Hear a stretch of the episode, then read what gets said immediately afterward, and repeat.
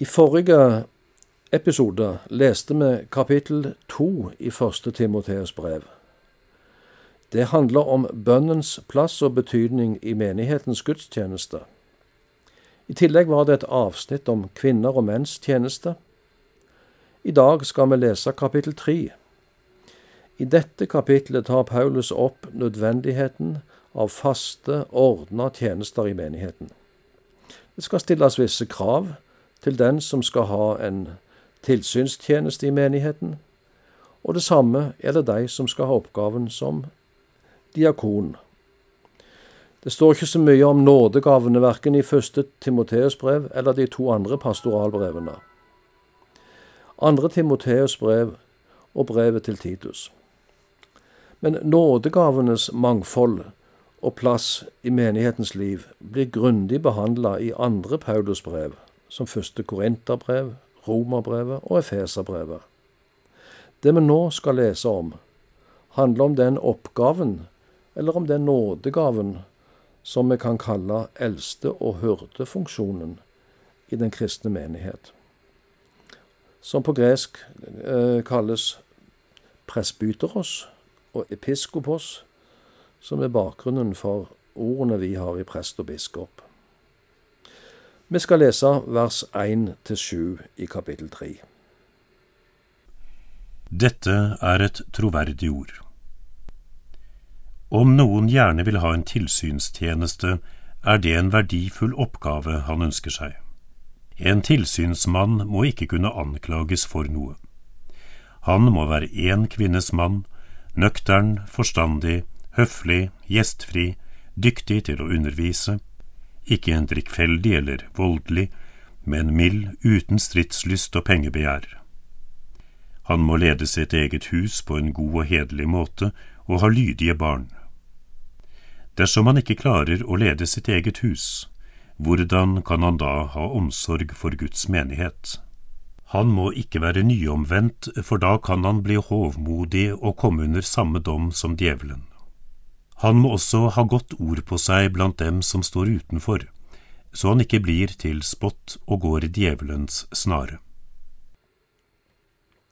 Å ha en lederoppgave i menigheten er en viktig og verdifull tjeneste. Men den som innehar en eldste funksjon eller en pastortjeneste i menigheten, skal ha visse egenskaper. Paulus nevner tolv egenskaper som var viktig da, og som er relevante òg i dag. Vi kan ikke dvele her ved alle disse egenskapene, men, men hør de en gang til. Ikke kunne anklages for noe, altså være uklanderlig. Være en kvinnes mann. Være nøktern. Være høflig være gjestfri, dyktig til å undervise, ikke drikkfeldig, ikke voldelig, men mild, uten stridslyst og uten pengebegjær. Og I tillegg til disse egenskapene så nevner Paulus at en menighetsleder også har ansvar på to arenaer utenom menigheten, nemlig har ansvar for sin egen heim. Han skal lede sitt hus på en god og hederlig måte og ha lydige barn. Vers 5. Og han skal ha ansvar òg overfor samfunnet eller verden utenfor menigheten. Han skal ha et godt ord på seg blant dem som står utenfor, står det i vers 7. Altså et ærlig og sant liv i heim og samfunn. En kan spørre seg hvem våger å gå inn under et så stort ansvar? Og hvem har alle de egenskapene som Paulus sier en leder skal ha? Det er et høyt ideal Paulus tegner av en kristen leder. Han skal være et forbilde både i heim, i samfunn og i, i menighet. Men så sier han om noen ønsker å gå inn i en slik lederstilling i den troende menighet, er det en verdifull og viktig oppgave han ønsker seg, eller som han blir kalt til. Vi skal lese videre versene 8 til 13. I dette avsnittet nevner Paulus en annen gruppe som har en viktig funksjon i menigheten, nemlig diakonene. På samme måte skal diakonene være hederlige og ikke tale med to tunger.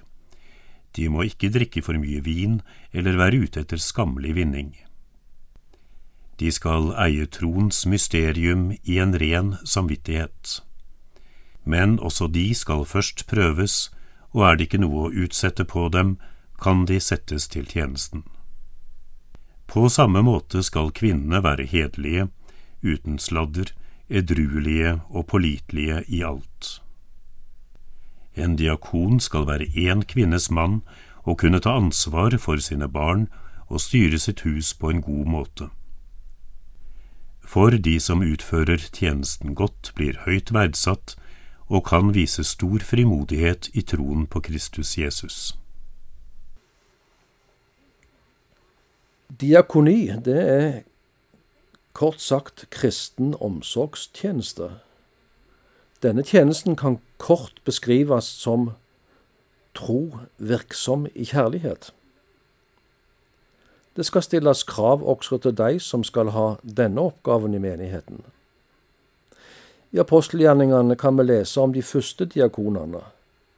I menigheten i Jerusalem fikk apostlene etter hvert så mange oppgaver knytta til å hjelpe og organisere matutdelingen og andre praktiske omsorgstjenester, at det gikk utover oppgaven deres som forkynnere og lærere. De ble derfor enige om å utnevne sju diakoner til denne oppgaven. Det kan du lese om i apostelgjerningene kapittel 6. Og Stefanus var en av disse sju. På den måten så kunne apostlene vie seg til bønnen og tjenesten med ordet.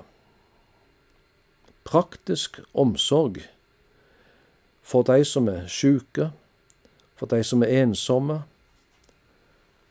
og som er fattige, det har fulgt den kristne menighet i alle tider. I et kristent fellesskap skal vi vise omsorg for hverandre, både til legem og sjel. Det gjelder alle kristne, men her nevner Paulus at noen i menigheten skal ha et særlig ansvar for en omsorgstjeneste, som diakoner.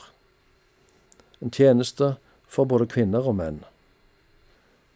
Til slutt i dette kapittelet leser vi versene 14 til 16. Kapitlet ender med en mektig Kristushymne.